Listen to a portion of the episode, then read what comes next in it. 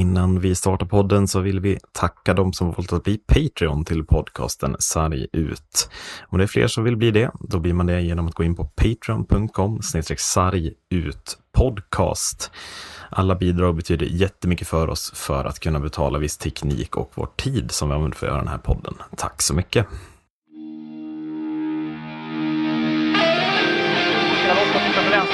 Grenberg, Grenberg går via sargen bakom huvudet, så vi får ju chansen, där kan vi mål! Mats Sundin gör 1-0 för Sverige!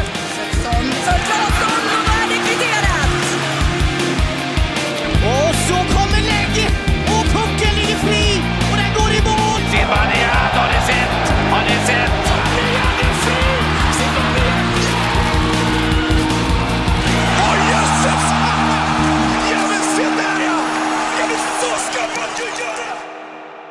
Då säger vi välkomna till avsnitt 132 av podcasten Sarg ut. Och vilken jävla vecka det har varit, Marcus. ja, otrolig vecka. eh, händelserik. Och då, sit, då, sitter vi dessutom här och spelar in på lördagen, så vi har ju, när den här podden spelas in, full SHL-omgång framför oss. Men det spelar nästan ingen roll vad som har hänt idag. Jag tror inte riktigt någonting som händer kan få plats i den här podden, måste jag säga. Mm. Eh, mycket av det som har hänt är väl tyvärr mycket kopplat, inte så mycket till uh, fina mål och resultat kan jag känna. Uh, mm. Hur ställer du, alltså hur känner du inför det? Så här, fan vad mycket fokus på fel saker, eller? Ja, ja så vi, det är inte, vi vill ju försöka leta efter de positiva sakerna främst. Mm. Det är ju det som är liksom roligast att prata om, givetvis. Ja. Men tyvärr blir det så. Det, det blir liksom överskuggat av, mm. av ganska många negativa händelser liksom som, ja. som sker i hockeyn just nu. Och sett till vad som har hänt i veckan så känns det helt sjukt att vi ska gå tillbaka till vad som hände i slutet på förra veckan som vi känner att vi måste prata om. Men det går väl inte att inte prata om det som hände i division 3 Östergötland när mm. en Vita Hästen-spelare försöker avrätta domare. Nej, men försöker, alltså, är det det sjukaste man har sett på en hockeyis när han tacklar domaren? Ja, eh, alltså, om man jämför till, till de, som, eh, de händelser som har varit tidigare under året där domare har varit involverade i någon ja. form av kontakt så, så tar väl den här alla, alla former av Alla av, former av eh, pris priser, och liksom. topplistor toppar den ju. Mm. Um, jag, jag vill liksom mest prata om efterspelet. Det här kom ju ut till i sociala medier och media på måndagen av förklarliga skäl. Det var inte jättemånga som satt och hade koll på division 3 Östergötland på söndagskvällen. Men eh, alltså, för, för det första, nu har ju så här senare i veckan, eh, domen har ju kommit. Eh, Kasper gillberg blir alltså avstängd till, vad, vad sa vi, 31 december 2024. Mm. Han är alltså avstängd ett år och en månad, kan vi mm. säga. Lite ja. mer än det.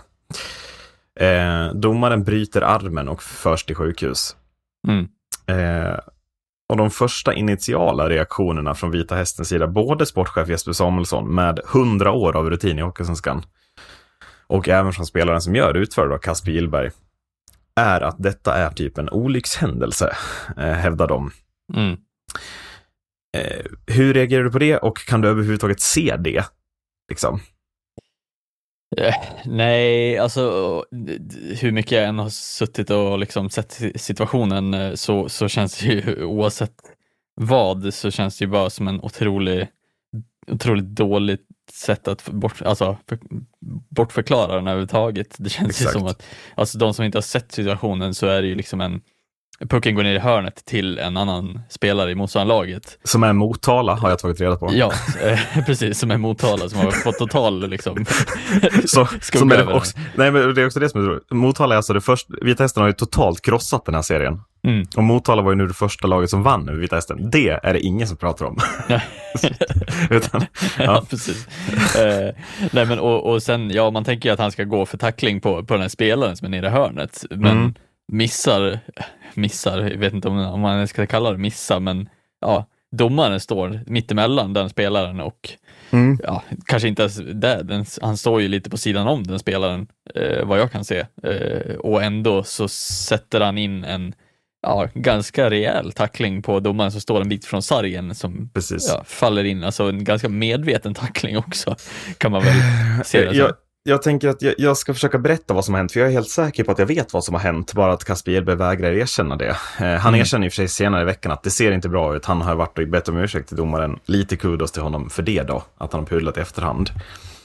Eh, men det som sker är ju att eh, domaren tar ju en felaktig väg. Han Mm. åker ju väldigt, väldigt konstigt sett vart Motala-spelaren åker och sett att han har spelat pressad. Det, det bästa för domaren hade varit att bara stanna, för då hade han fått situationen framför sig. Men han åker ju med han blir ju som en liten, liten mur till, eller till Motala-spelaren. Mm. Det vi måste komma ihåg här är att det här är ingen SHL-domare. Nej. Utan bara för att det är Vita Hästen så måste man också tänka, vad är, vad är det här? Det här är alltså en seriedomare i division 3 Östergötland. Mm. Kanske inte världens mest rutinerade domare, kanske inte världens bästa domare, men ändå en person som är tillräckligt bra för att döma seniorhockey och som är där för att den här matchen överhuvudtaget ska kunna genomföras. Mm. Vi kan inte förvänta oss att det här ska vara en domare som gör 100% rätt. Jag har väldigt svårt att tro att Motala och Vita Hästen var en särskilt underhållande match om jag ska vara helt ärlig. Det var Mm. nog ganska brunkigt. Yeah. Eh, Kasper Gillberg har en, han har en historia av att göra fula saker, att vara het, att vara, eh, ja men det, det blir ju så, svartna för ögonen situation. Eh, och när han då ser att domaren åker i vägen här, vilket han ju gör, så, så blir det i Kasper Gillbergs huvud att nej, nu är jag så jävla trött på den här domaren, för troligtvis har det väl kanske varit något annat lite tveksamt domslut. Att det helt enkelt sker, att han bestämmer sig för att smälla honom. Nu ska han fan inte vara i vägen mer. Jag smäller in honom i sargen. För att hans bortförklaring med att domaren är i vägen och jag måste smälla Vita Hästen-spelaren, eller Motala-spelaren. Jo, men Motala-spelaren vänder ju också och åker i andra åkriktningen. Mm. När tacklingen sker så är ju Motala-spelaren på väg åt andra hållet. Ja. Vilket ju är... Alltså, ja, det går inte att säga något annat det är totalt medvetet att han smäller domaren. Han blir för het i den här situationen. Det har hänt förut för den här spelaren. Mm. Och så enkelt är det. det. Det är liksom ingenting annat. Nej. Eh, vad, vad jag, eh, vad jag också, också reagerar på är att det blir alltså ingen utvisning i matchen. Kasper Gillberg, efter att ha brutit domarens arm, så spelar han klart den här matchen. Här måste vi väl ändå diskutera vilket totalt haveri det är. på alla plan. liksom, hur är det ens möjligt att Ja. ingen tänker så, men han kanske inte ska spela klart. Han kanske borde ha fått matchstraff liksom. Ja. Av det. Hur, känner, hur går det till, tänker du? Hur Eh, glömmer man att visa ut den här spelaren? Jag fattar inte. Alltså jag, jag har väl en, kanske en liten eh, fundering bara på om det kan ha att göra med att det är huvuddomaren han smäller. Vilket innebär att, ja, jag vet inte hur stor befogenhet som linjemännen har i division 3. Att, Nej, men ja, jag förstår att det liksom, men, men han ligger och har brutit armen, han kan nog inte se, han ser Nej, förmodligen nej, inte nej, vad som men, nej, händer. men det, det köper jag liksom att, Mm. att huvuddomaren inte sa det. Men någon av de här linjemännen borde ju rimligtvis ha blivit huvuddomare i resterande av matchen, eller? Ja, rimligtvis. det kan inte bara vara två linjemän som dödade klart. Nej. Det, var, det var liksom fritt, man fick göra vad man ville förutom att åka offside. Nej, ja. utan någon av dem lär ju ha blivit huvuddomare och då lär ju någon av dem agera och ta utvisningar. Liksom. Ja, Tänker jag, eh, ja. men, men, men det, det jag skulle kunna gissa på är väl att ja, de här linjemännen har, har väl någonstans för liten befogenhet och kanske för lite att säga till om, även om vad de än tycker, så kanske det liksom är lite mer att det här är orutinen, att det är ingen som går in där och bara säger att du Mm. spelar inte klart den här matchen. Eh, och att, linje, eller att huvuddomaren ligger ganska sargad i, i På en hörnet. bår. Ja, på en bår och kommer nog inte, han fattar nog inte vad som hände riktigt heller. Eh, Eh, men det största haveriet, att Kasper Gillberg efter den här situationen går ut och försvarar sig och vill, alltså, ja, jag förstår det på något sätt. Mm. Men hur kan både ordförande i Vita Hästen och sportchef Jesper Samuelsson stå och säga att det här är en olyckshändelse efter matchen? Mm. Hur kan man inte direkt ta totalt avstånd från detta och säga att man stänger av den här spelaren? Ja, Eh, det är en bra fråga. Alltså så här, också med tanke på att man har videostöd i, i den här situationen. Ja, men Det- alltså, även, om man, även om man ser den på isen och tänker att nej, men alltså, det är en olyckshändelse. Mm. Det, ingenting på videon indikerar det. nej, Och då måste man vara smartare än vad man är här. För att det här är, får man ju framstå som att det var rätt åt domaren att han åkte in i sargen ungefär. mm. Eh, och jag känner att det som borde ha gjorts är väl att Vitesse direkt borde tagit avstånd, stängt av själva Kasper Gillberg Mm. och skickat blommor och chokladask. med en ursäkt till den här domaren, eller? Ja, eh, och sen, sen, tror jag, sen förstår jag väl också att så här, man, eh, alltså det, det hade varit bättre om de bara gick ut och sa bara fan vi, vi håller på att utreda situationen, vi, vi, vi kan inte säga någonting i nuläget, än att säga att nej, det är en olyckshändelse i början och sen komma fram till liksom, slutskedet i att det är liksom den här typen av avstängning. Eh, mm. Det känns ju bara, ah, det är dumt att uttala sig för tidigt om den, om man inte liksom eh, vet vad man ska säga. Alltså så här, det, det, det, blir så jävla dumt i efterhand mm. att sitta och försvara den och sen så, så visar det sig att det är ju en mycket, mycket värre handling än vad det är.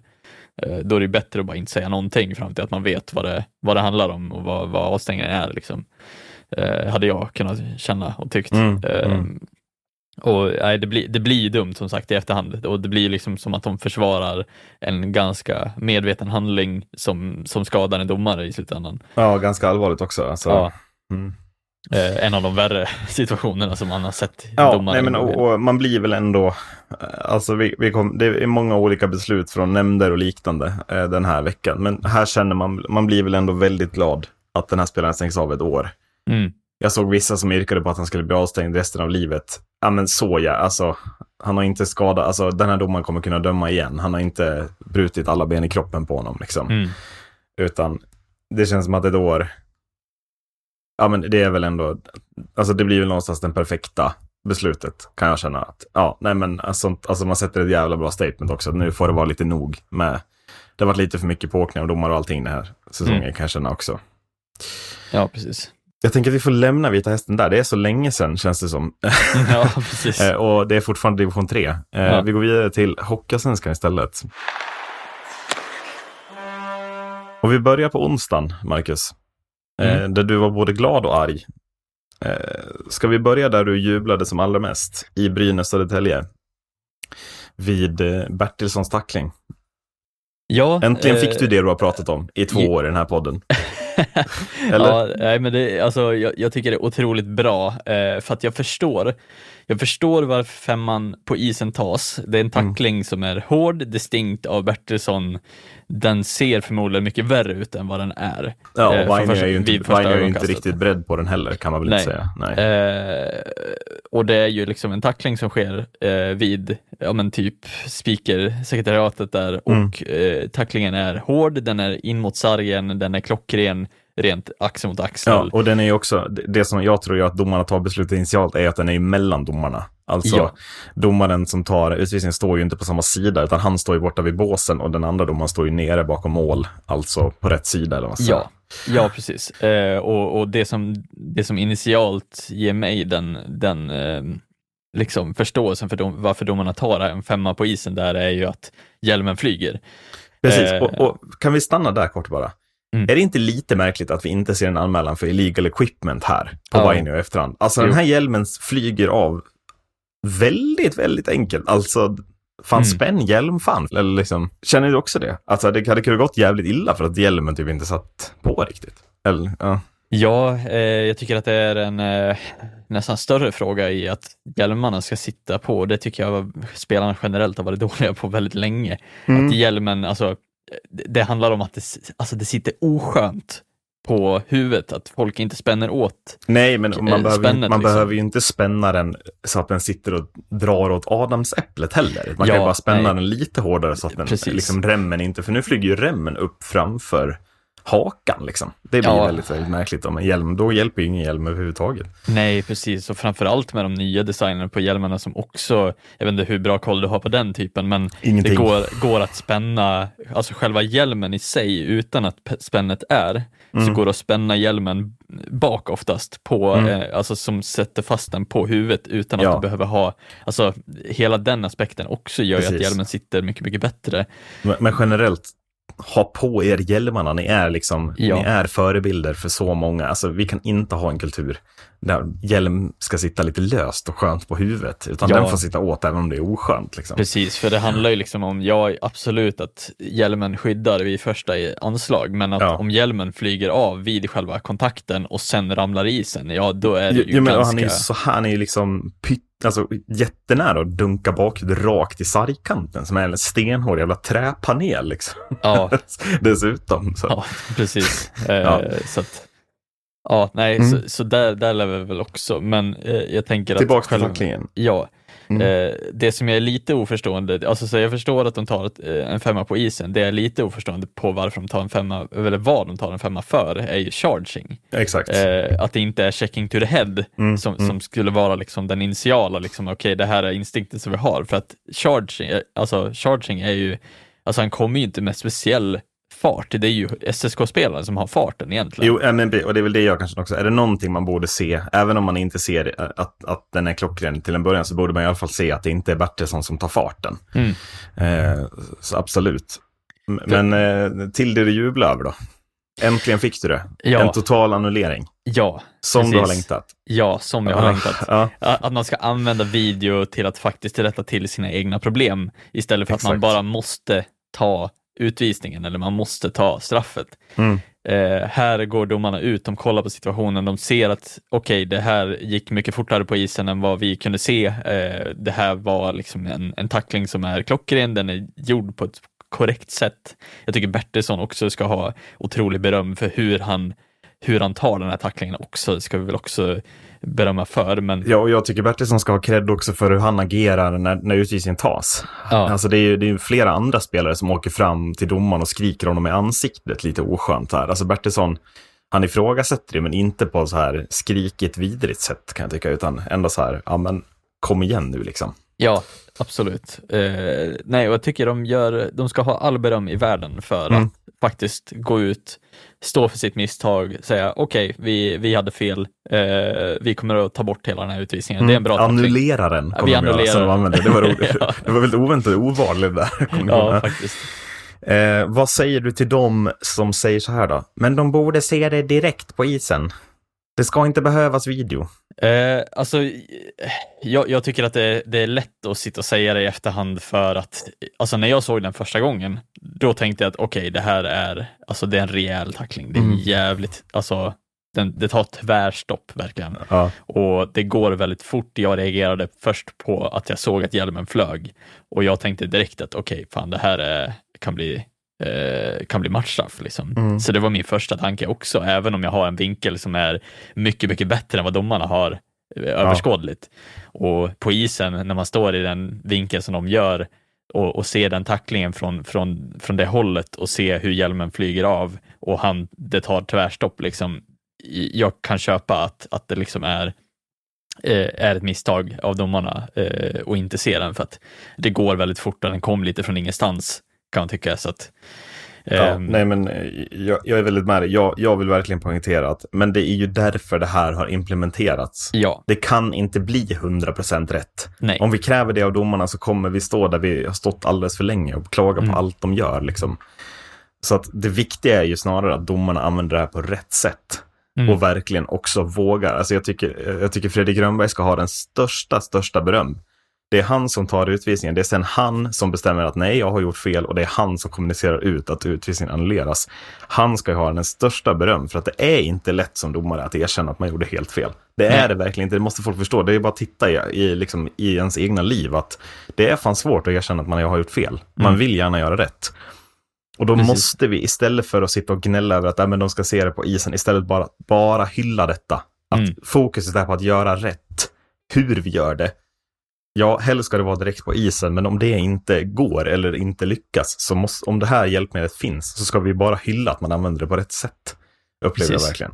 Precis, och sen måste man också förstå att all form av press och all form av liksom diskussioner som sker påverkar ju domarnas osäkerhet på isen också. Att så här, Ja, de måste ju också, det måste ju alltså flyga flera hundra tankar i huvudet på en domare varje match. Som det är gör, så många situationer de ska Ja. bedöma också. Och jag menar, förstå mig rätt, men det här är inte vilken match som helst. Det är en av de absolut tuffaste matcherna i hela ligan i år. Det är Mm. två tunga lag, två rutinerade lag, två lag som går för att gå upp liksom. Mm.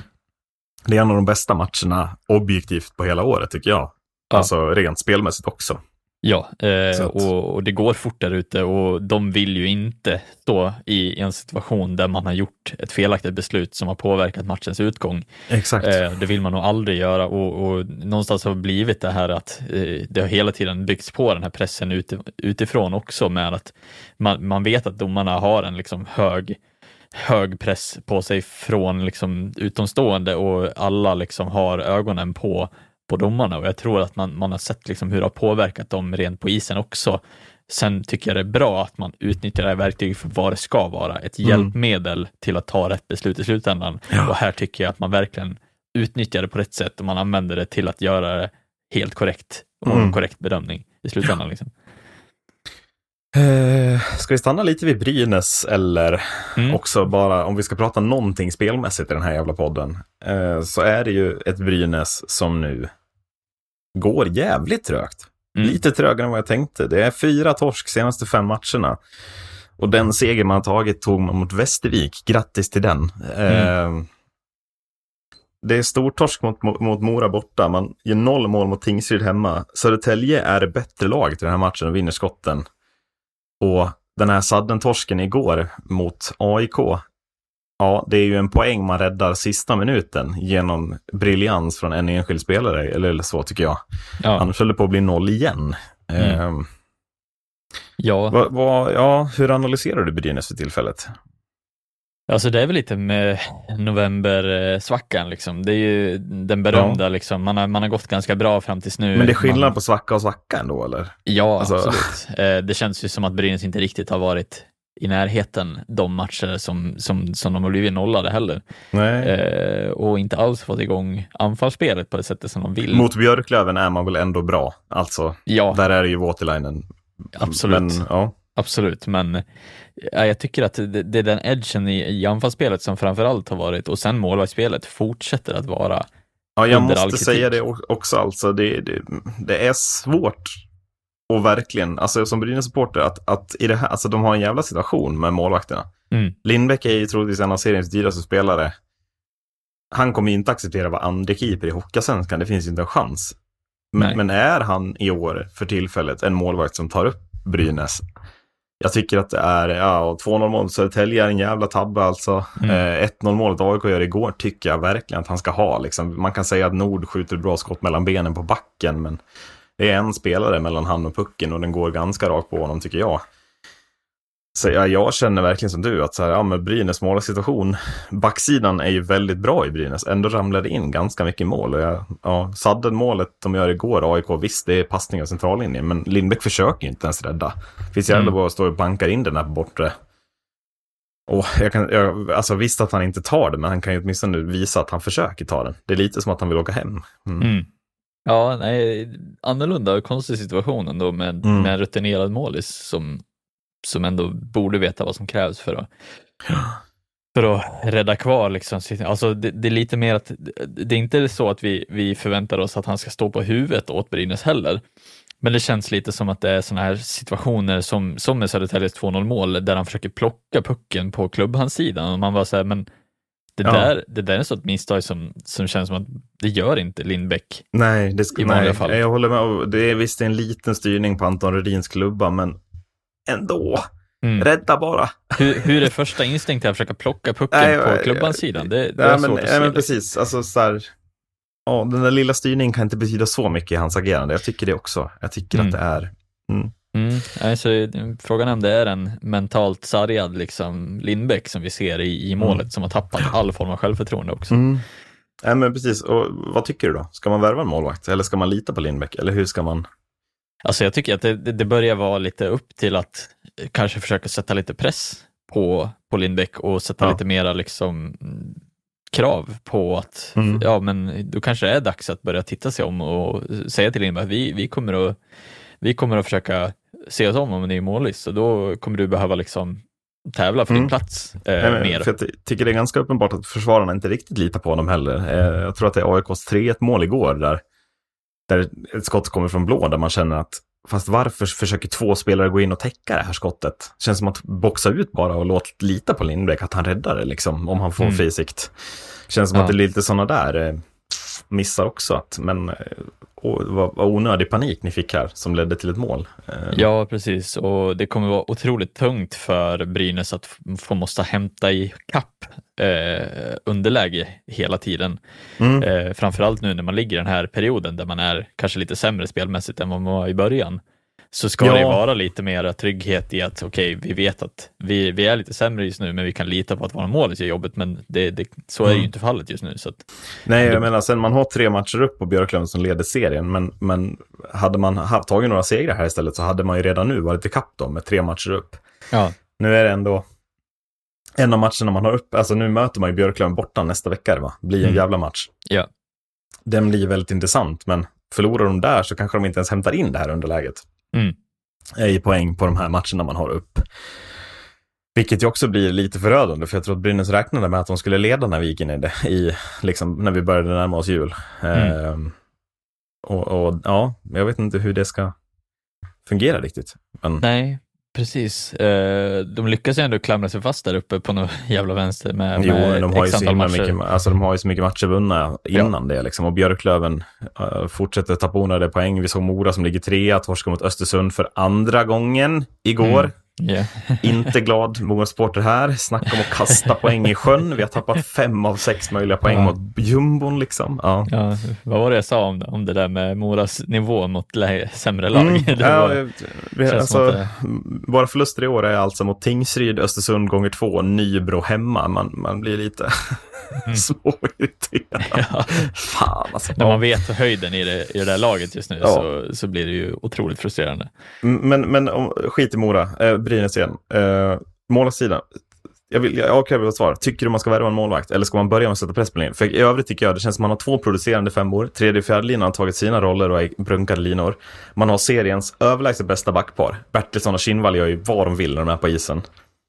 Och eh, backparet med Ben och Lindstein tycker jag är stabilt också. Tredje backpar, där kanske man kan värva någon, men det är ingen superdyr värvning. Mm. Utan det som finns kvar att lägga pengar på om man inte ska göra någon så här brutal jävla värvning till då för att stärka laget. Men det är ju en målvakt kvar i sådana fall. Ja. Och då är frågan, alltså, vad är lösningen? Är lösningen att skeppa Lindbäck? Att Ja. ta ett sånt svårt beslut? Eller är det att sätta press på honom ett jävla tag till och sen om det inte blir någon lösning? Jag menar, om, alltså, om det inte löser sig då, vad gör man? Vågar man kliva in i ett slutspel och lita på att han höjer sig?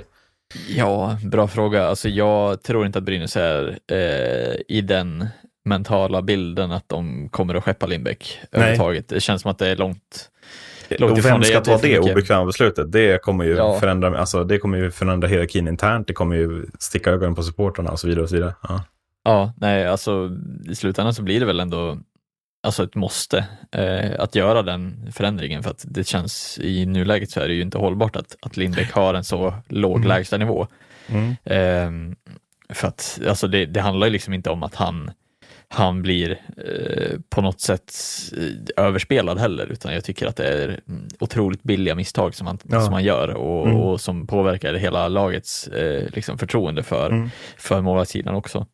Nej, men det blir lite för mycket att han gör några för många bra räddningar, men lite för mycket så. Alltså han behöver ta det han ska ta, tror jag är Brynäs succégrej snarare än att han gör superräddningar. Eh, Ja. Det är lättare för spelarna att hantera att ja, men, inte släppa till två mot ett och sådana grejer. Så länge Lindbäck tar det han tar så, så blir man tryggare i försvarsspelet på något sätt. Mm.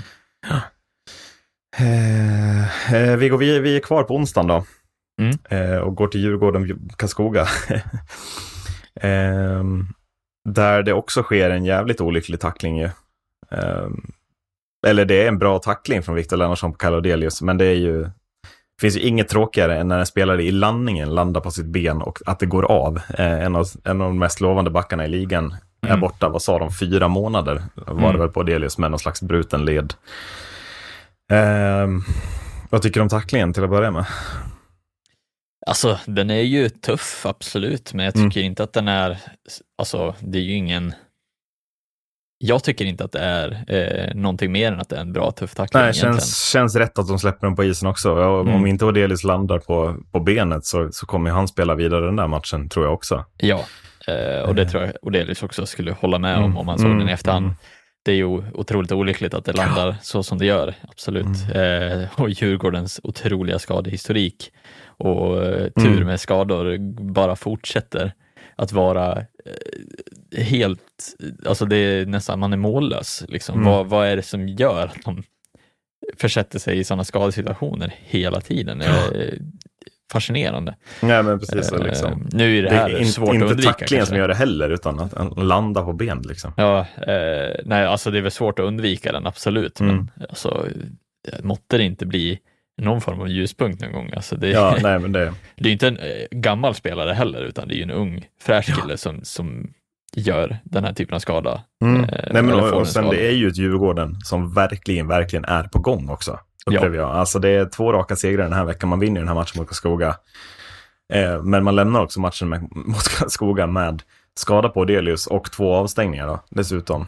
Eh, Ja. Och det är väl dit jag vill komma. Jag såg inte den här sista perioden.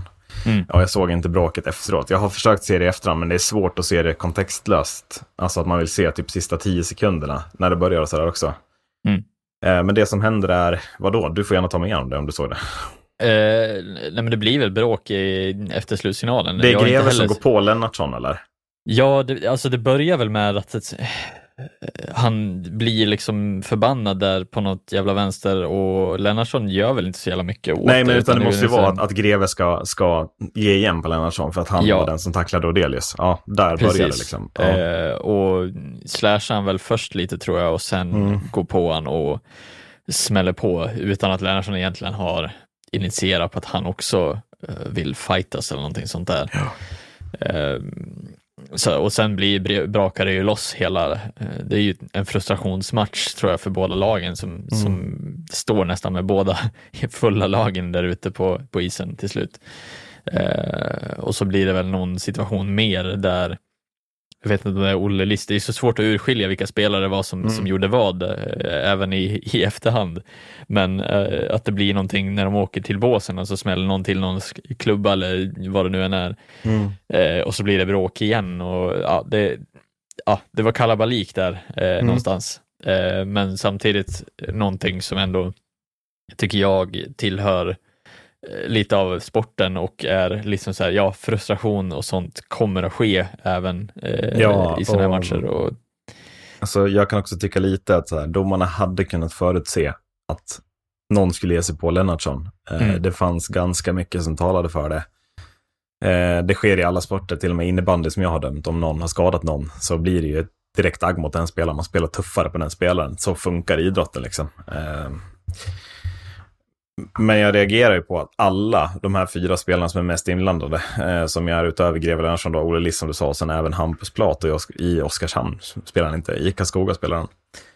Alla fyra blir avstängda i mer än en match efter det här. Eh, Greve Lennartsson 3, Liss och Plato 2. Ja, det är ju inte ofta vi får de här typerna av känsloyttringar i Hockeyallsvenskan på det här sättet efter slutsignal. Är det verkligen den här vägen vi skulle ha gått? Nu är disciplinnämnden inne och havererar, havererar igen här. Mm. Eh, ja, framförallt mm.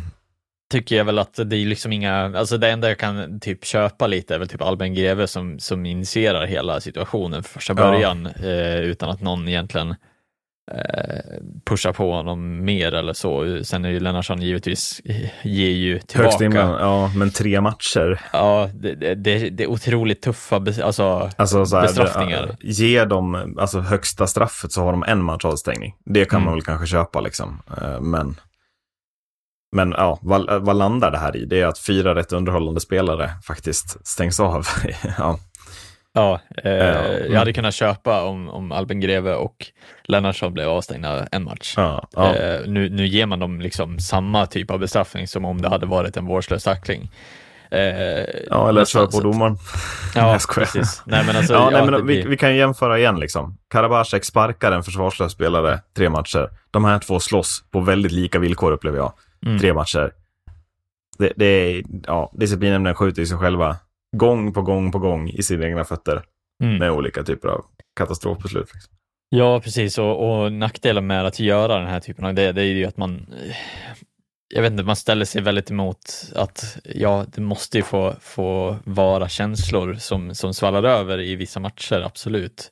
Sen ska man inte förespråka slagsmål, men om båda personerna är med på det, man har en ny regel som, som initierar på att man ska liksom kunna ta Mm. fem minuter på isen och sen ska det vara fine med det, om båda är med på det. Om det är en som anfaller eller överfaller en annan, ja då ska det kunna vara eh, matchstraff och en avstängning. Ja. Här blir det liksom så här att ja, båda lagen är ju lika dåliga i den här situationen båda två och båda initierar på att Ja. det här ska ske, ja då är det ju i mitt tycke inte någonting mer än att man, man väljer av det. Det är väl efter matchen också så att Mm.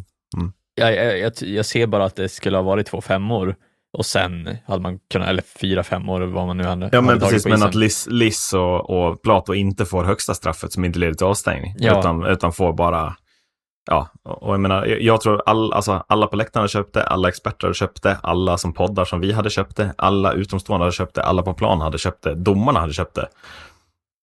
Men disciplinen ska in och visa att nej, här slåss man inte. Eller nej, liksom, ja. nej, precis. Det blir en ganska konstig... Det känns som att man också un underskattar rätt mycket att många faktiskt går, det finns fortfarande en ganska stor målgrupp som går på hockey och tycker att det här är den bästa underhållningen, när det blir Mm. fights liksom. Mm. Eh, och den målgruppen gillar ju inte det här givetvis. Nej. Sen är det klart, jag är också lite ifrågasättande. Behöver vi, behöver vi fighter, behöver vi sånt? Ja, fast Nej men det ska inte bli som NHL, eh, NHL Nej. att så här, greve, eh, bara nu slåss vi, att man bestämmer det på plan, det blir ju för pajigt och så. Ja. Men det här är ju på äkta känslor det här bråket Mm. utlöses. Och de känslorna får vi ju inte ta bort i idrotten. Det är, Nej. de här känslorna måste få finnas, ibland svallar de över. Ja, Men det är de- den här brinnet vi vill ha genom hela, alltså jag menar att tänk efter det här, typ en matchserie, sju matcher mellan Djurgården och Karlskoga. Det blir ju total magi, det vet Ja. vi ju. Det blir ju underhållning på högsta, högsta nivå. Eh, och Precis. då kan vi inte hålla på så här. Liksom. ja precis. Och samma sak, så här, det måste finnas någon form av liksom så här, ja men det måste finnas ett, ett, eh, statement också i, i bland spelarna också, att man ska ha respekt för varandra. Alltså så här, Lennartsson ska inte kunna gå in och göra en, en tung tackling på en viktig spelare i Djurgården och känna att ja, men det är ingen som kommer att bry sig. Nej, Alltså, nej men det, exakt, det, är exakt. sådana såna grejer som också är viktiga för, det, det är det de förespråkar i NHL också, att så här, när det väl sker en sån där tackling, Skydda liksom. Mm. skydda, absolut. Och jag tycker att så här, vi ska inte kasta handskarna för det. Det är ju lite längre än vad, vad vi i svensk hockey står för. Mm. Men jag håller med om att vi måste kunna ha någon form av ja, men poliskår ute på isen också. Du ska inte kunna göra det där obe- alltså, utan att någonting händer heller. Nej. Utan sätter du in en tuff jävla tackling, ja, men då ska du fan få känna att ja, nu, har du, nu är Mm. du farligt ute här. Liksom. Ja. Mm. Nu kommer jag inte exakt ihåg, men det är väl ingen av dem som kastar handskarna på det sättet heller. Nej, alltså, jag tycker mest de ligger och brottas också mycket. Ja. Alltså, det är svårt att se hur mycket knytnävar och liknande som delas ut överhuvudtaget. Det är mest Mm. att de ligger och... Ja. Ja, precis. Att, eh, jag, jag tycker bara att det ska vara, det ska vara lite känslor, det ska vara man kan, man kan kvitta det rakt av där för att det liksom inte är någon, något form av överfall på det Mm, sättet. mm. Utan, nej, jag, jag tycker verkligen inte att det här är i linje med vad vi vill att hockeyn ska, ska Nej, vara. Alltså vi precis. vill ju ha känslorna, absolut. Men sen, det här blir någon form av sätt som DN kommer att dela ut bara för att de vill ha bort hela den här situationen. Då Ja, nej, men, och, och jag tycker fortfarande vi måste diskutera, jag kommer till det i nästa segment också, men att jag tycker domaren är på väg åt rätt håll. Mm. Det är många fler mål som döms in på ganska tuffa situationer framför mål, där man är liksom nära målvakten och må, nära målgården verkligen. Eh, Den här grejen i onsdags, man tar bort Bertilssons, det är ett steg i rakt rätt riktning. Nej, det Mm. var fel, det här var en bra tackling. Men så fort DN ska in och, och just nu, just, det är verkligen känsligt, så fort disciplinnämnden kommer in i det hela, då tar det fel riktning. Mm. Eh, Albin Lundin-grejen, fel riktning. Karabache-grejen, fel riktning. Mm. Den här grejen, fel riktning igen. Det, mm, vi måste i rätt riktning, även Ja. med avstängningarna nu. Eh, och det kändes så bra med den här Vita Hästen-spelaren i början på veckan. Ja, men det här var rätt riktning. Mm. Eh, totalt orsvarsfart. Men äh, återigen så väljer man fel riktning på, på de här grejerna som, vi, som är så viktiga vitala värden. På något Ja. sätt. Att, ja, men de här känslorna är genuina, de måste vi bejaka, inte Mm. tvärtom. Ja, där har vi poddat i 40 minuter och nu är vi framme vid eh, torsdagen. eh, eh, jag vill till Frölunda-Växjö. Mm. Eh, jag, eh, jag hade en, jäv, en jävligt het powerplay-lapp i, i torsdags. Jag var nära att vinna jävligt mycket pengar. Nu blev det inte så.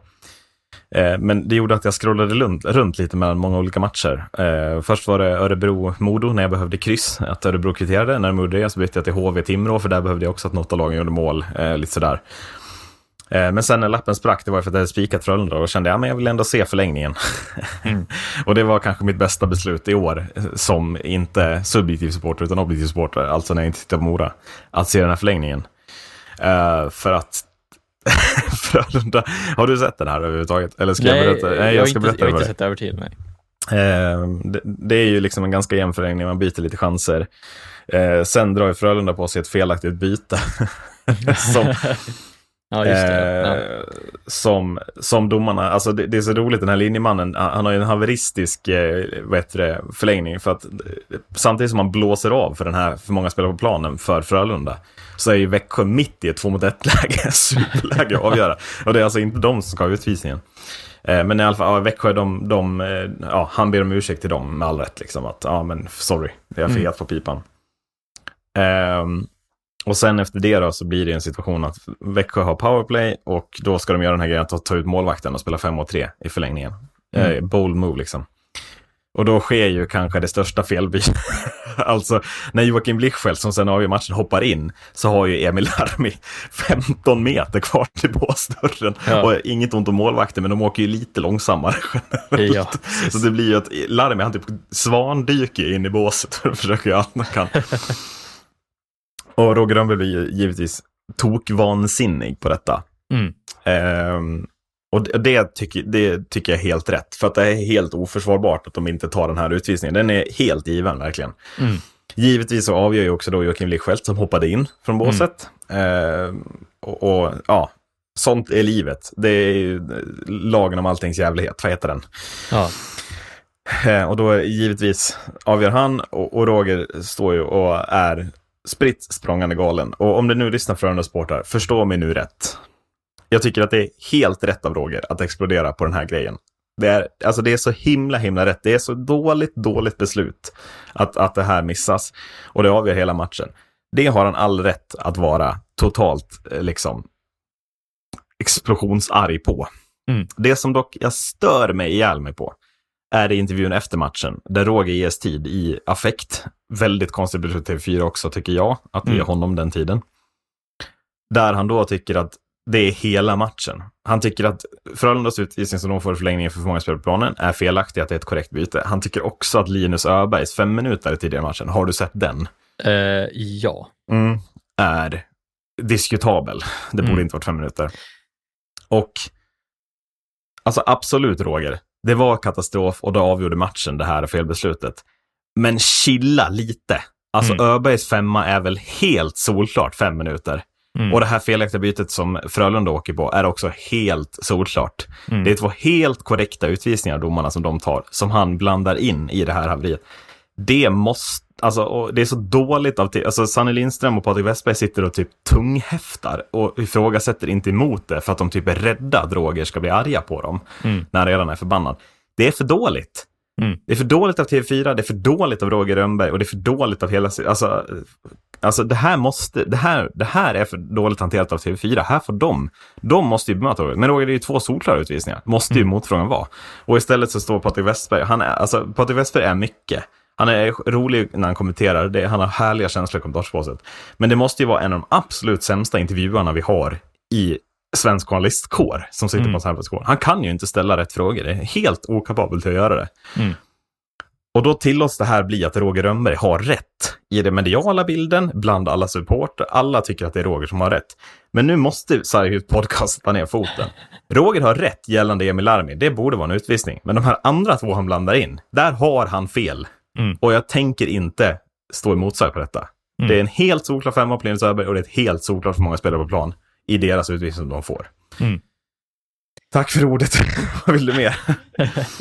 Nej, men jag, jag, jag, jag har ju sett alla situationerna, Ja. givetvis. Jag, har inte, jag, jag kollade inte matchen som helhet, men jag har sett situationerna, Mm. så jag kan ändå uttala mig om dem. Och jag, jag kan ju bara hålla med egentligen. Alltså, så här, det, Ja. Jag, jag tycker att alla situationer som jag har sett, eh, som är också även den, det bytet som Larmi gör med Blichfeldt, Blich, Blichfeldt Ja, är eh, är, Mm. är också liksom, alla besluten är korrekta förutom det att Larmi liksom är Mm. Att det ska vara utvisning på Larmi, och det- givetvis. och givetvis, ja, domarna får göra fel och jag tycker Mm. att domaren också går ut och säger att ja, ja den ska ju vara utvisning. Alltså, Mm, han, han, mm. han pudlar väl också i efterhand. Det gör de ju. Ja, Eh, sen vet jag inte hur mycket jag tycker att det hjälper. Jag tycker, om vi pratar om Bertilssons tackling på isen, den förstår jag.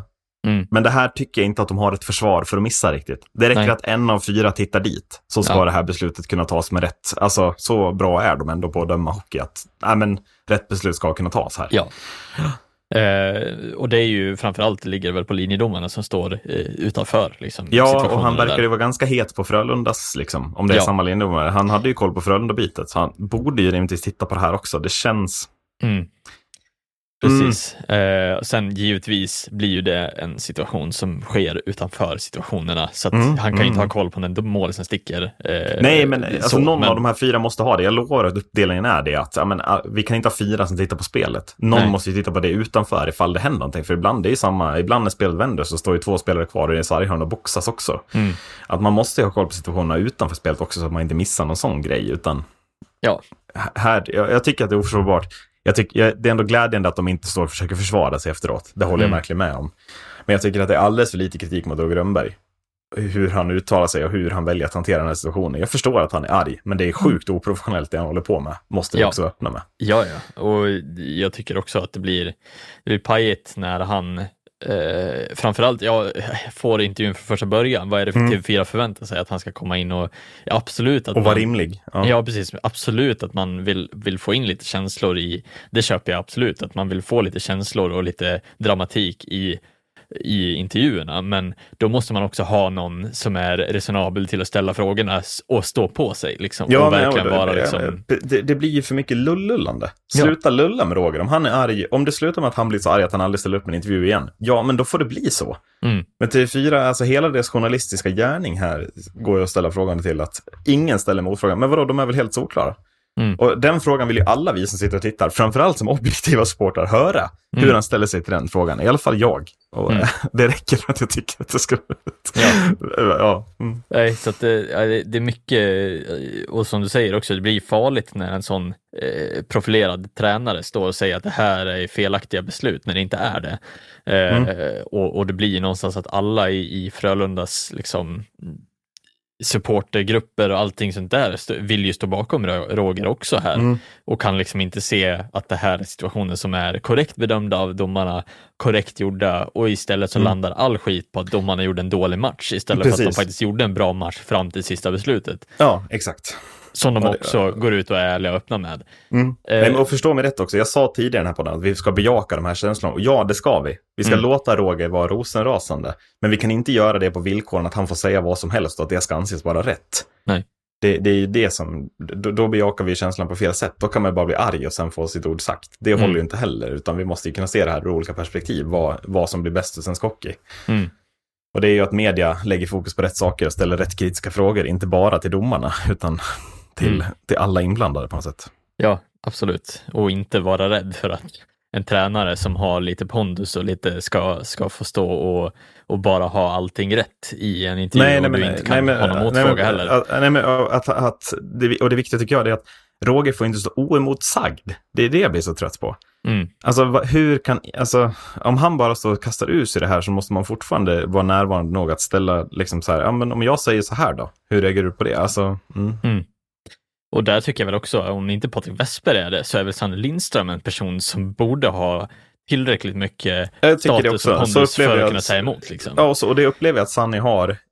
eh, I stort sett, alltså, ha, jag tycker han är kanske den bästa, liksom, Sanni. Mm. Jag tycker han är väldigt, väldigt bra på att vara den resonabla i alla sammanhang. Mm. Och att han sitter här och häftar tycker jag blir, det blir jävligt problematiskt. Så jag förväntar mig lite av Sanni att han är den som ska kliva in här. Mm. Eh, för det blir någonstans för, för att försvara domarna i, i, i det här, men också försvara liksom synsättet på vad som är rätt och fel Mm. Ja. på isen eh, också. Och det Mm. måste man vara beredd på att göra om man nu ska ta de här intervjuerna som man uppenbarligen vet Mm. kommer att landa i att det är förbannade personer som kommer in Mm, mm. och är, har adrenalin i kroppen. De har liksom kommit från en förlust och de har kommit från, alltså, där de har en åsikt Mm. som är liksom mer åt att ja, men de kommer att ha fel förmodligen för att de har liksom så jäkla mycket eh, ja men brinner så jäkla mycket för att de har allting rätt på isen. Ja, och då, jag menar, Roger. Rönnberg, Roger Rönnberg är ju inte objektiv här och det är det ingen som vill att han ska vara. Han Nej. ska ju bara tänka på liksom, hur han tycker. Men det, jag, jag tycker det absolut märkligaste blir ju, li- blir ju Linus Öberg-situationen. Hur han kan tycka att den är tveksam. Mm. Alltså jag, jag är mer inne på att matchstraff är närmare än fem minuter och vara kvar på planen. Mm. Jag tycker att det är, det är närmare niing med utsträckt ben än vad det är tripping också om vi ska vara, alltså om vi ska hårdra det. Liksom. Det är sällan Ja. man ser dem ta tripping för något som görs med benet.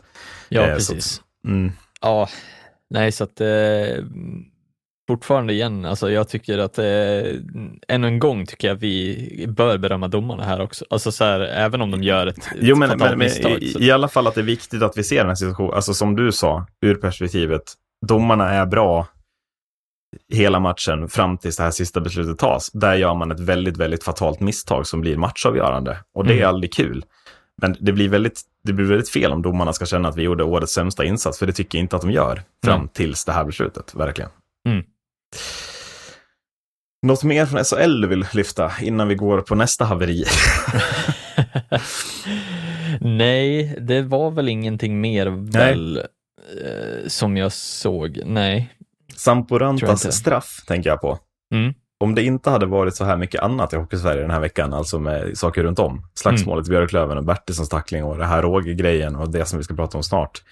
Hade inte den straffen höjts upp mycket mer i sociala medier och i tv som en av de vackraste aktionerna liksom i svensk hockey i år?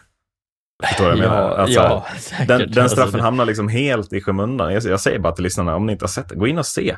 Mm. Det är total hockeyporr, den här straffen, Mm. på alla sätt tycker jag. Ja, Ja, jag håller med. Jag, ja, ja, det är klart du gör. Du är ju absolut inte objektiv. ja, ja, precis. Men jag, Jag- jag vill verkligen säga det, att, att det känns som att den, straff, alltså, den hamnar så otroligt i skymundan. Det säger så himla mycket om den här veckan, att ingen pratar om den straffen, utan man pratar bara om, om massa andra lösa grejer runt om. liksom. Ja, nej absolut. Alltså det är ju det är en straff på, på väldigt, väldigt hög nivå och som, som man gärna vill se i ett Ja, straffläggningsavgörande. verkligen. Eh, eh, och den kyla som man visar upp, alltså det är ju någonting annat. Eh, Ja, men, och, just, och, och sen finessen. Alltså Mm. den total, alltså hur man ens kommer på att så här ska jag göra när man åker fram. Mm. Det är, alltså visst, Ågårds straff är också jävligt vacker, alltså, så här, men det är fortfarande, jag åker fram och skjuter slagskott, det är ju tanken. Men i Rantan, det, det är så mycket före och sen hur allting blir perfekt. Hela tanken bakom det, hela utförandet, hela processen fram till att det blir mål är ju fem plus i alla parametrar. På Mm. ett sätt som är så jävla underskattat. Ja. Ja, Eh, nu tar vi en bumper, för nu ska vi prata eh, Djurgården igen. För att Djurgården och Södertälje är inblandade i mycket den här veckan. För det att Södertälje möter Brynäs, det att Djurgården möter Karlskoga. Eh, det här är ju lag, de, alltså vilka, vilket uppryck från båda de här lagen. Södertälje med fem raka segrar innan den här matchen. Djurgården med eh, tre segrar och en sudden-torsk bortom Björklöven innan det här. Mm. De här är ju på väg rakt upp, till tabellen och snart är de väl där uppe och Mm. krigar med de andra. Liksom. ja absolut. Eh, men eh, vi fick se spel inför tomma läktare sista två perioderna, eller vad blev det? ja, eh, Ja. Det var väl en bit in i andra va? Eh, Ja, För Rensfeldt mål jublar de ju på, det görs Ja. i början på andra, så det måste vara lite mer. Men, eh, Ja, precis. Och det är väl där som det slutar eh, mm. med publik på läktarna. Såg efter du det här målet. live eller? eller? Ja, eh, Mm. jag var på väg hem på tåg, på väg Mm. från, hade liksom, hade en hel hockeyfredag framför mig med liksom så här, ja men nu är det Djurgården, Södertälje, det är liksom så här, det, det är känslor, det är liksom en totalt otrolig match att kolla på. Så eh, med taskig uppkoppling på ett SJ-tåg satt du och Ja, såg den här matchen? Är absolut. Ja, Ja, precis. så- så jag fantastiskt, att, fantastiskt att du ens såg något. Det brukar vara otroligt omöjligt att se Ja, matcher på SJ-tågen. Men... Jag kan säga att det var otroligt frustrerande när det Ja. pausas varje tionde Ja, minut. Liksom. Alltså SJ, lös era internetproblem. Hur svårt kan det vara? Ja, så frukt varje gång så blir det samma. Man tror på det och sen bara nej. Marknadsföringen, du kan jobba på tåget. Ja, precis. Ja. En, gång var, en gång i timmen, var, femte, eller Ja. var femtonde minut kan du skriva tre rader, sen ger du upp. Liksom. Ja, precis. Eh, ja, det som sker då, vad, hur, hur skulle du beskriva situationen? Nej, men det är, alltså, det är ju direkt efter Rensfeldts mål där som det blir. Det blir 1-0 eh, efter ett väldigt vackert Djurgårdsspel, Mm. skulle jag säga det. Eh, Mm. de, de får bra press, eh, går ut, pucken går ut mot Pontus Johansson som skjuter ett bra skott som går rakt ut till eh, en helt ren Rensfeldt som, som skjuter den i öppen kasse i princip. Ja. Eh, och hela spelet i sig tycker jag är bra. Sen är det klart att ja, det hade varit fint om den satt från första början, absolut. Men Mm. Det, känns jag som tycker- det känns som att nästan meningen Pontus Johansson att skjuta för retur också. Han skjuter bortre benskydd lågt. Så. Ja, eh, och jag menar, det, jag tycker att hela, hela spelet innan ska vara största fokus, för jag tycker Mm. att de, de gör det väldigt bra. De, de, de kommer till avslut, de höp, hittar de öppna ytorna hela tiden. Så att, eh, hela målet, jag har liksom ingenting att säga om, om eh, Djurgårdens insats. Jag tycker att de spelar otroligt fin hockey där i början på andra. Eh, och sen så bestämmer sig väl eh, för tredje gången väl. Eh, Jag såg liksom bara, eh, jag såg inte hela första perioden, så jag har inte sett de andra gångerna som det Nej. pausades. Men det här, vad jag hörde, så var det tredje gången som då någon bestämmer sig i jordslacken att tända en sån här blinkers eh, för att fira målet då, vilket då i princip stoppar hela hela spelet. Eh, domaren går ut och pratar med spikerbåset, kommer ut och sen skickar ut spelarna i omklädningsrummen. Mm. Ehm, ja, och där, där så sker väl hela liksom, situationen Där, ja, därifrån. för det, det slutar också sen med att inte bara Djurgårdsklacken blir utskickad för vidare visitering eller liknande, utan man skickar ut hela jävla publiken. Eh, Mm. 6 000 pers typ, eller vad är det? Mm. Som sen inte får komma tillbaka. Eh, och den hockeyn som utspelar sig corona-style sista en och en halv perioderna är ju kanske det deppigaste man har sett sen corona existerade. Alltså, Mm. förlåt, men det är så deprimerande.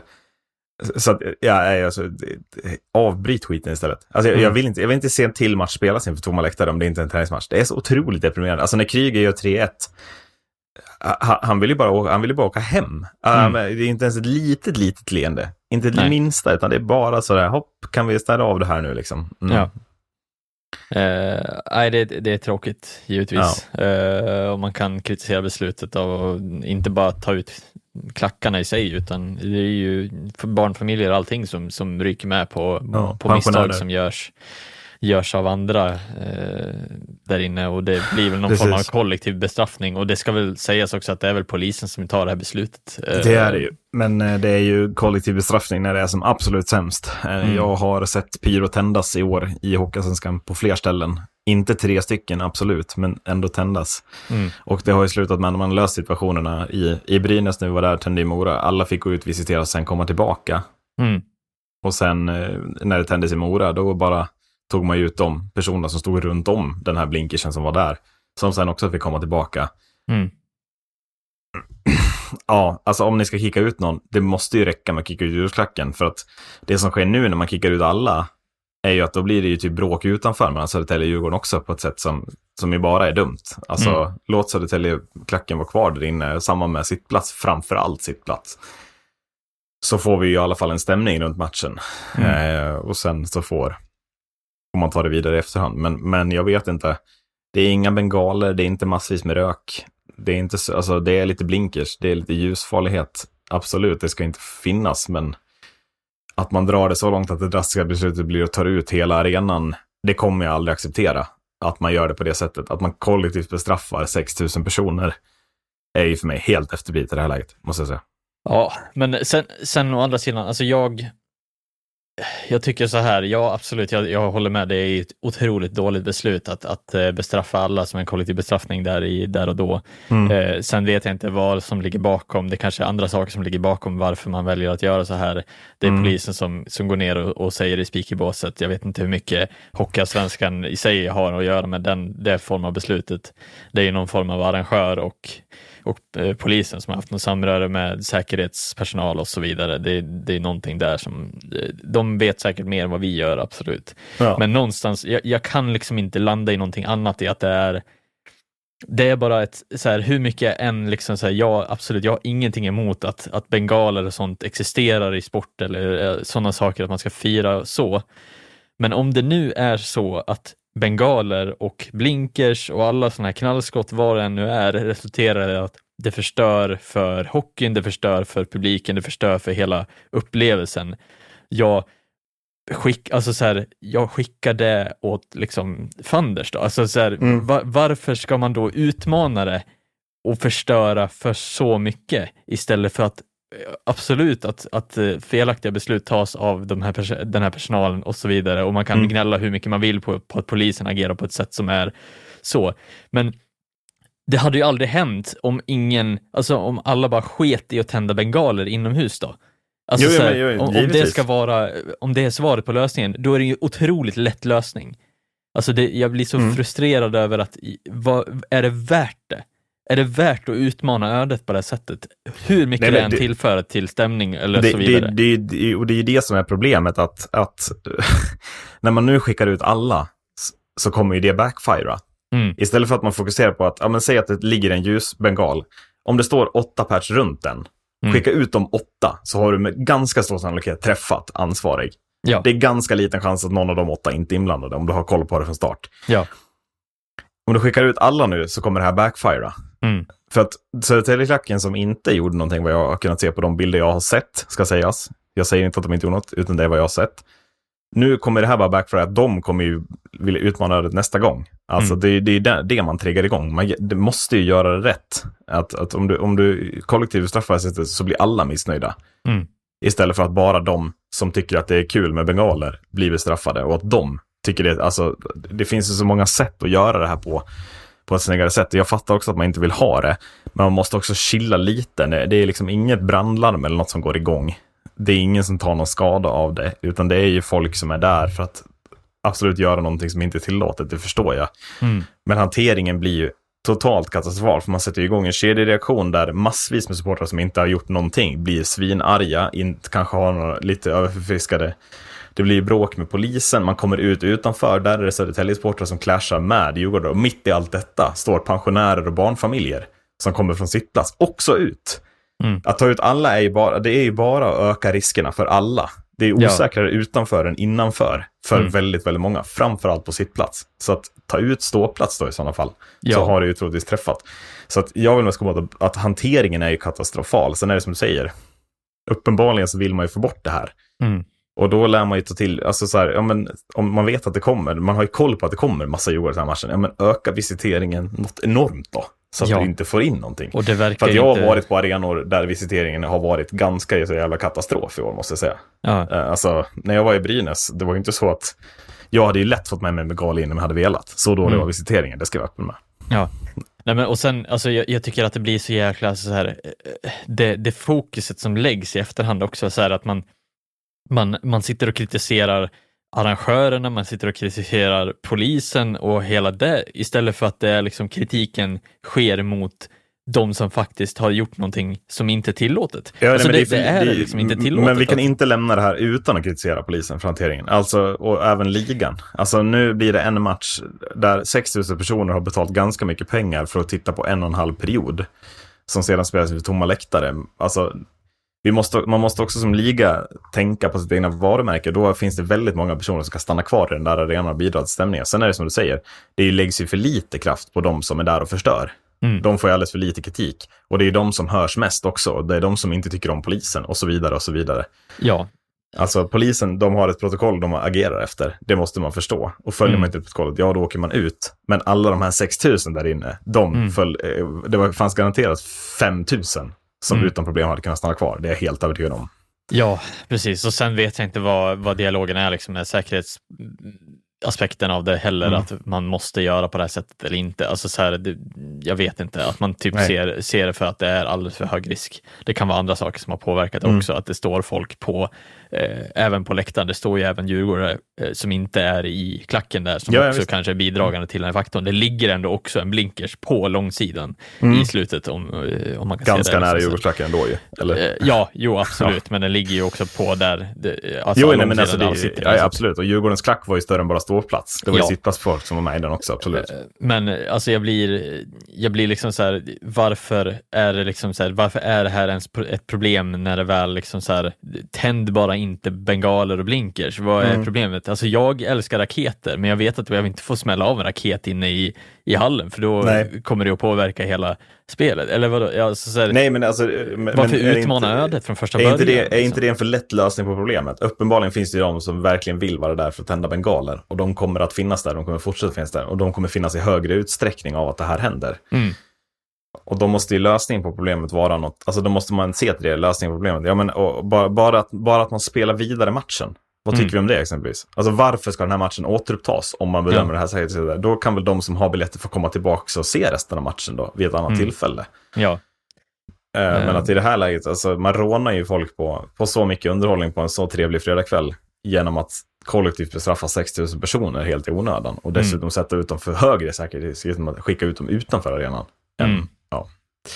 Ja, nej, och jag, jag gillar liksom inte det här, eh, hela den här aspekten att så här, ja, det är någonting som är förbjudet, men man ska ändå forsa in det i att man måste tända en sån där jäkel. Alltså, Mm. jag, jag, jag kommer aldrig förstå det.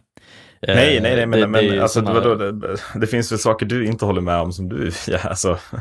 Ja, Om man tycker att det ska få finnas då. Det finns ju många ställen i världen där, man, där pyro finns på läktaren hela tiden utan att någon tycker att det är ett problem. Alltså, Jo, det är ju en diskussion äh, som är så het i svenska samhället att det också blir svårt att, att inte fatta att det kommer ske. Liksom. jo, men det, det är liksom så här, varför utmana liksom någonting som är eh, ganska strikt För att man inte håller med om det. Det Ja. finns väl rättshaverister överallt. Jo, men det är ju lite, alltså så här, ja, men vad då ska vi utmana varenda regel? Liksom, så här, ska jag Nej, men det, jag säger att det finns alltså, regler som utmanas i hela samhället hela Ja. tiden. För att man inte håller med om dem och att det är så Ja. man skapar. Alltså, det, det är det som hela den här grejen grundar sig i. Att man tycker att det är en felaktig hantering från polisen på alla plan. Mm.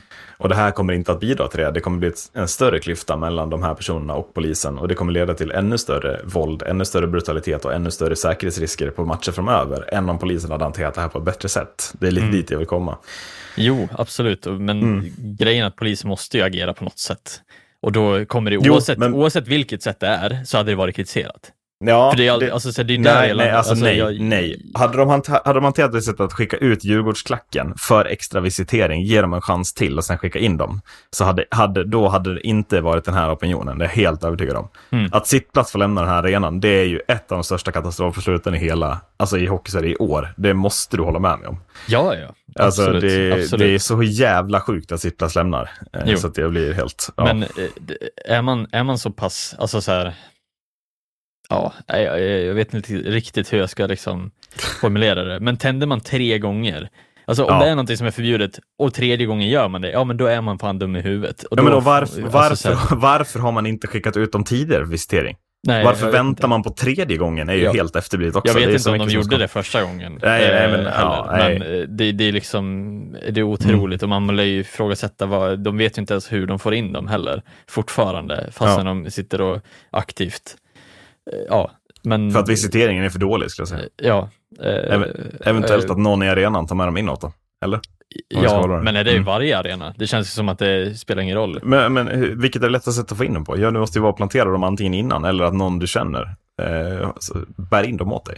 Jo, absolut, Mm. men eh, det åt Djurgården i Södertäljes hall? Det är ju väldigt eh, märkligt. Men Varför det, inte? Jag vet inte.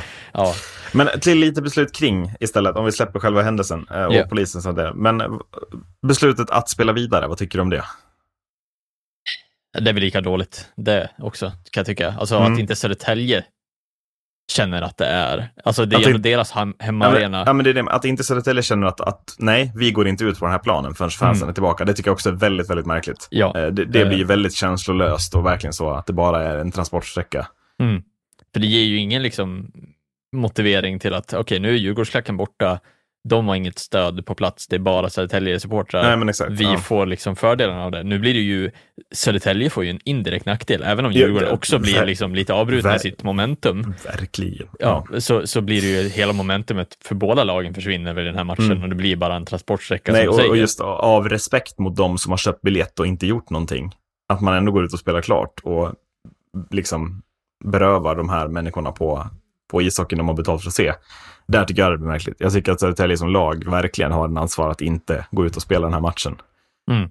För att det här, jag menar, man vet ju redan när det här sker att det kommer ju hamna på något skrivbord framöver och beslut ska Ja. tas. Eh, och, med- ja, efterspelet där då, Södertälje kräver att de ska få segern. Tycker du om Mm. det? Alltså, jag, jag, kan förstå, jag kan förstå dem, jag kan förstå, men problemet också blir då att det blir någon form av, tyvärr, en, en, eh, en framtid som blir väldigt märklig också i och med att, så här, ja, om det nu skulle vara så att det blir den typen av, så här, okej, du får segern om du tänder en bengal eller om du Ja. eh, alltså, gör det på det här sättet, ja, då kommer ju supportrarna försöka utmana varandra att kanske skicka över någon som tänder en bengal åt SSKs klack för att försöka få segern då. Ja, Alltså exakt. det blir den typen av utmaning av regler då i så fall. Sen kan jag tycka att man måste hitta ett straff som är all, alltså mycket hårdare mot klubbarna och mot den, den sportliga, sportsliga sidan. Att det, ska på, alltså, det påverkar ju hela liksom, situationen i sig och hela matchen och utfallet också från första början nu. Att de har ju fått liksom kanske det dit de vill, liksom, att, att det ska vara eh, det blir kalabalik efteråt och det blir bara skit av det i slutändan och Djurgården lyckas vinna matchen trots att det är Djurgårdsklacken som tänder det här tre gånger. Vilket det känns lite fel på något sätt. Ja, Kan jag känna eh, också. Att, att den här matchen spelas vidare, att Djurgården går segrande när de har startat igång allting. Mm, Känner väl jag blir fel. Jag tycker, inte, jag tycker som du säger, inga matcher ska avgöras på skrivbordet. Eh, men att, ja, den, det Mm. här, mycket här hade behövt ta andra beslut. Eventuellt låta vissa vara kvar i arenan, men, men framförallt om man inte ska ha det. Avbryt då matchen för nu Mm. och spela klart en annan gång. Ja, men någonstans, Eh, någonstans vill jag väl typ att det ska vara från egna ledet ska säga till det egna ledet. Ska, alltså om det ska, ska vara att Kryger går till sekretariatet och säger vi kommer lämna över segern till Södertälje om ni tänder en till bengal, då kommer Ja. det inte tändas en till bengal. Nej, nej men absolut. Alltså Ja. att det måste sättas någon form av statement från egna hållet att vi älskar stämningen, vi älskar att ni är så, men tänder ni Mm. en till bengal så kommer vi bara avbryta matchen, vi kommer ge SSK segern. Ja. That's nej, men, it, eh, liksom. ja. Nej, men och det, och det kommer ju inte ske, tror nej, jag. liksom. nej, tyvärr är det ju så. Men Det- alltså, det- någonstans mm. måste man ju hitta ett sätt för att liksom bara få, få ett, ett stopp på det. Även om, alltså så här, jag kan förstå att man vill utmana reglerna på det sättet, men om det påverkar ishockeyn på det här sättet, då måste man hitta ett bättre sätt att få Mm, bort det. mm, mm. Så är det bara.